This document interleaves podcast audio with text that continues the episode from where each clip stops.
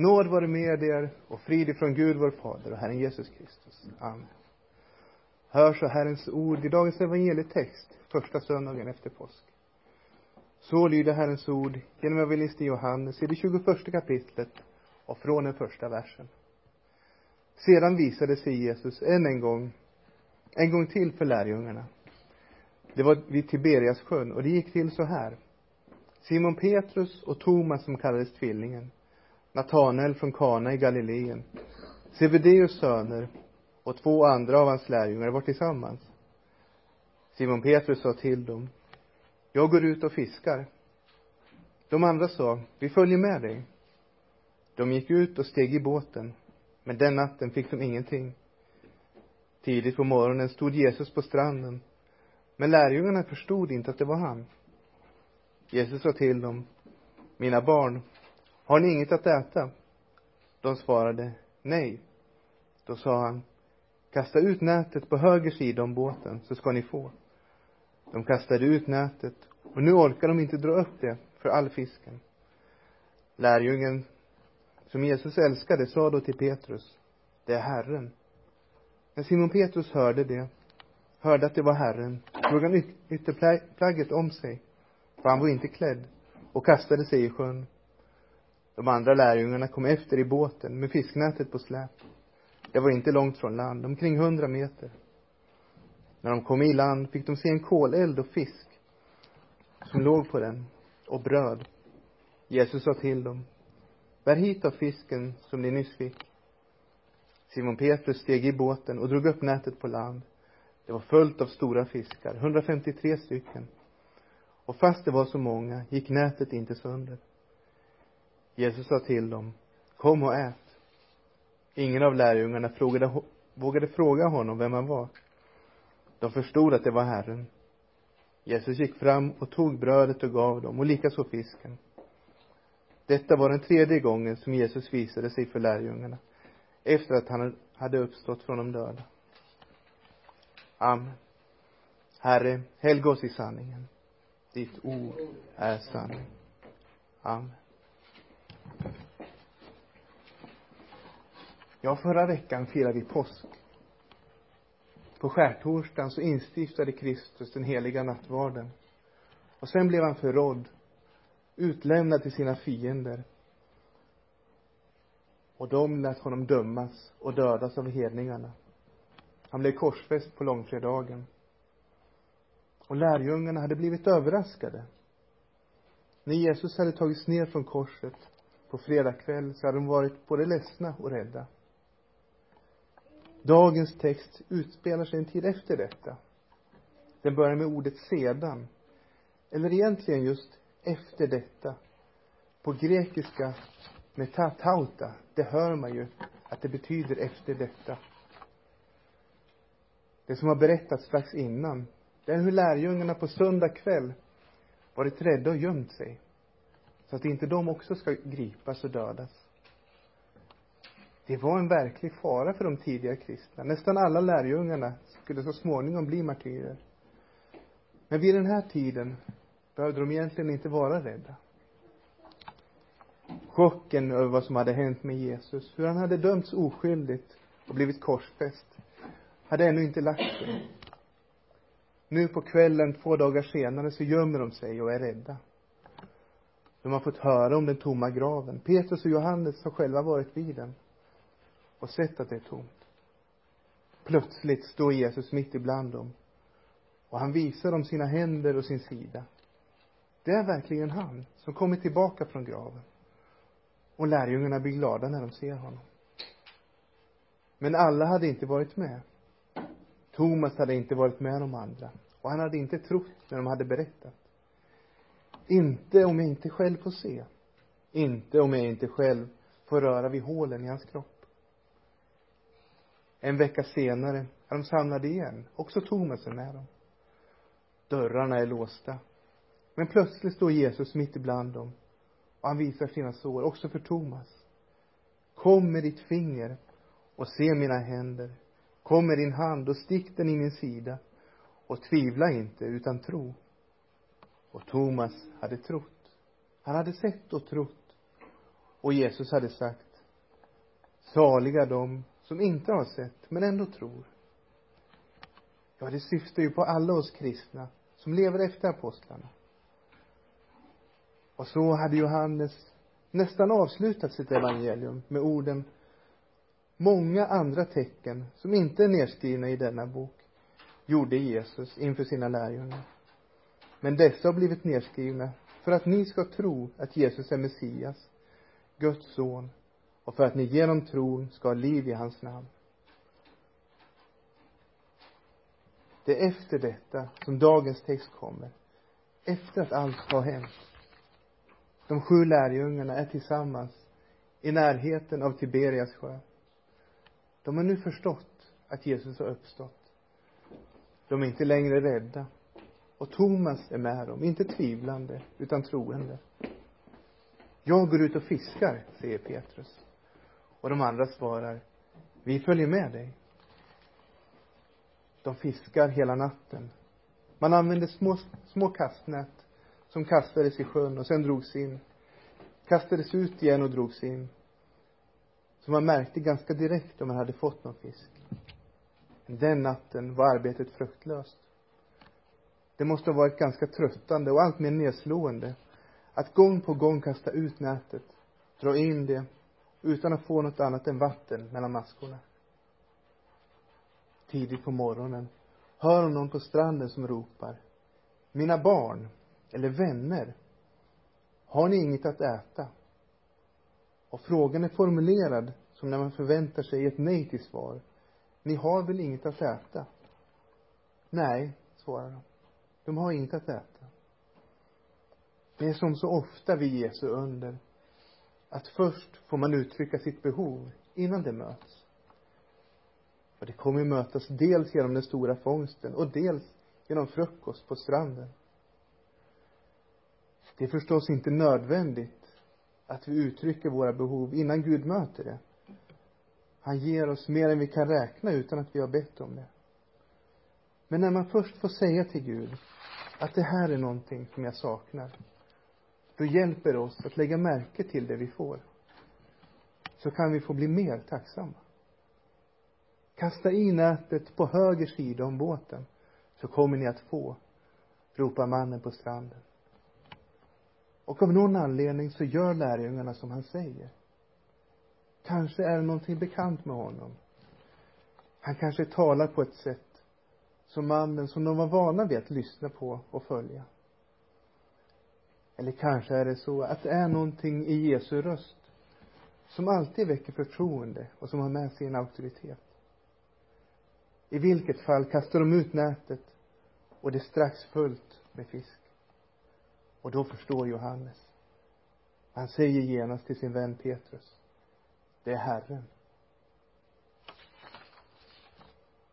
När Petrus hör de orden så är han direkt på väg mot stranden. Han tar på sig ytterplagget och hoppar i vattnet för att simma till land. Hela händelsen hade ju varit väldigt bekant. En gång hade Jesus kallat honom efter ett liknande under. Då hade Petrus förstått att Jesus är helig, medan han själv är syndig.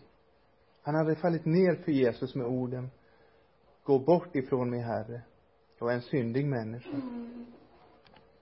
Men Jesus hade inte visat bort honom. Han hade visat att Petrus synd var förlåten och tagit honom i sin tjänst. Frukta inte, Härefter ska du fånga människor. Idag är Petrus inte rädd, utan kastar sig i vattnet för att genast komma till Jesus. Det beror inte på att Petrus inte längre är en syndig människa. Det beror på att han har lärt känna Jesus. Efter tre år, då han gång på gång fått se sin egen syndighet, så har han lärt sig hur Jesus tar emot syndare. Därför kan han frimodigt simma till honom när han förstår vem det är som gett den stora fångsten. De andra lärjungarna får komma efter i båten med det fulla nätet på släp. Det är inte långt från land, bara hundra meter ungefär. När de kommer i land så ser de en glödande kolhög med fisk som grillas på den och bröd. Nu är det frukost på gång. Men kolen påminner också om någonting annat. Senast Petrus såg Jesus och en koleld samtidigt var ett helt annat sammanhang. Men när Jesus på detta sätt låter Petrus påminnas om vad som hände på gården utanför översteprästens hus så är det inte för att trycka ner honom utan för att han fullt ut ska kunna ta till sig förlåtelsen och upprättelsen. Jesus känner all vår synd. När vi hör evangeliet, då ska vi inte bara tänka att det är en allmän förlåtelse som på ett opersonligt sätt går ut till alla människor. Utan det är tvärtom en förlåtelse för specifika synder. Det är en allmän förlåtelse. Men det gäller synder som Jesus känner mycket väl.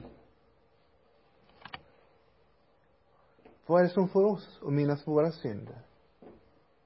Är det en blick som påminner om när vi sårade någon som älskar oss? Är det en doft som påminner om en situation som vi inte borde ha försatt oss i? Precis som kolelden kunde påminna Petrus om en situation som han djupt ångrade, så kan ord, dofter eller bilder påminna oss om vår synd. Och vi ska då veta, på samma sätt som Petrus visste, att Jesus vet allt. Han känner djupet av vår synd. Jesus säger inte ett ord om Petrus synd. Han bara låter påminnelsen finnas där.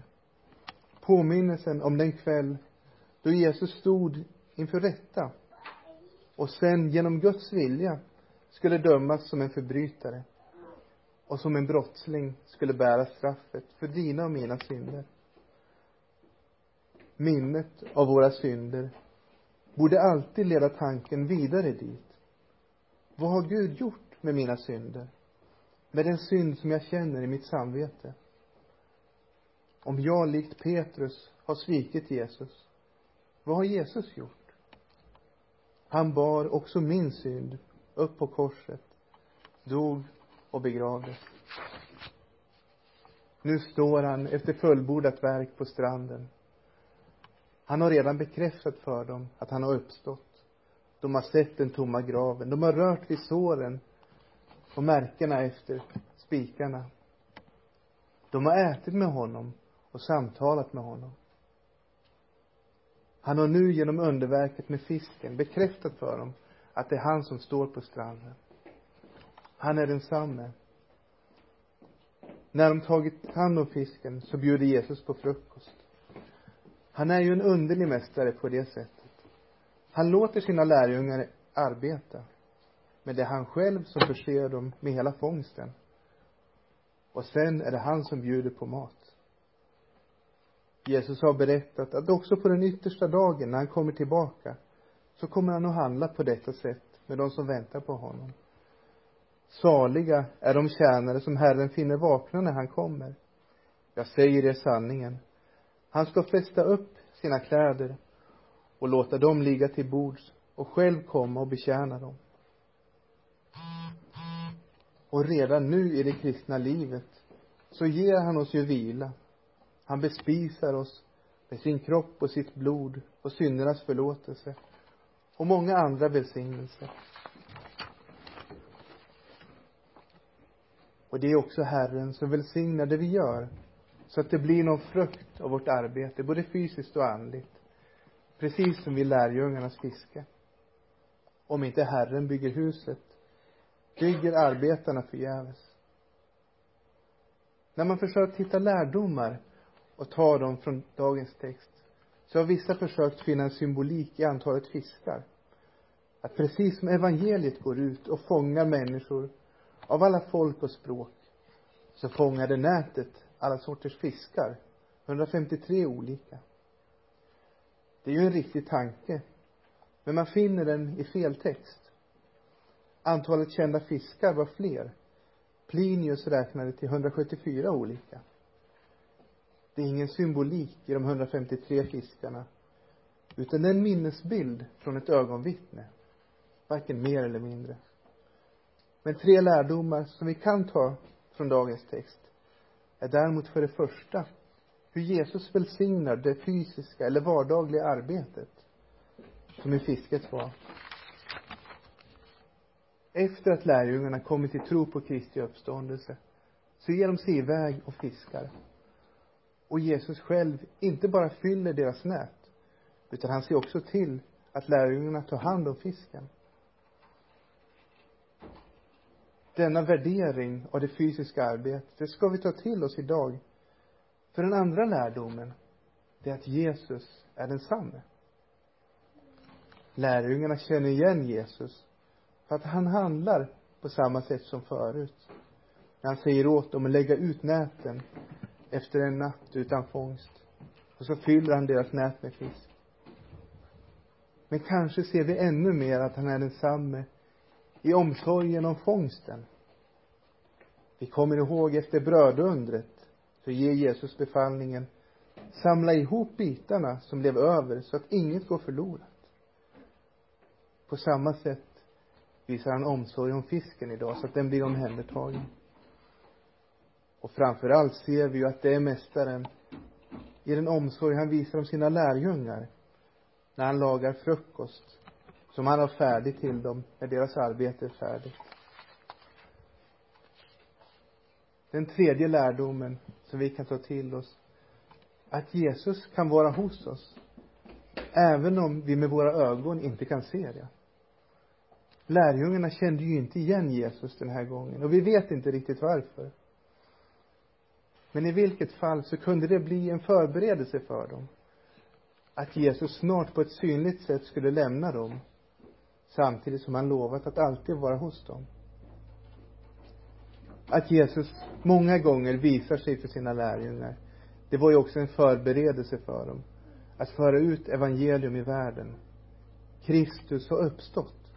Era synder är sonade. Så skulle han komma också till oss. Amen. Låt oss be.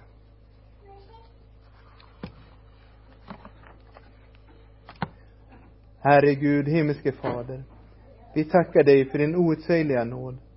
Att du genom din son, vår Herre Kristus, har gett oss det heliga evangeliet och de heliga sakramenten till vår tröst, för att vi där ska finna syndernas förlåtelse. Vi ber dig, ge oss av din heliga Ande, så att vi av hjärtat tror på ditt ord och genom dina heliga sakrament dag för dag blir styrkta. Genom din son Jesus Kristus, vår Herre. Amen.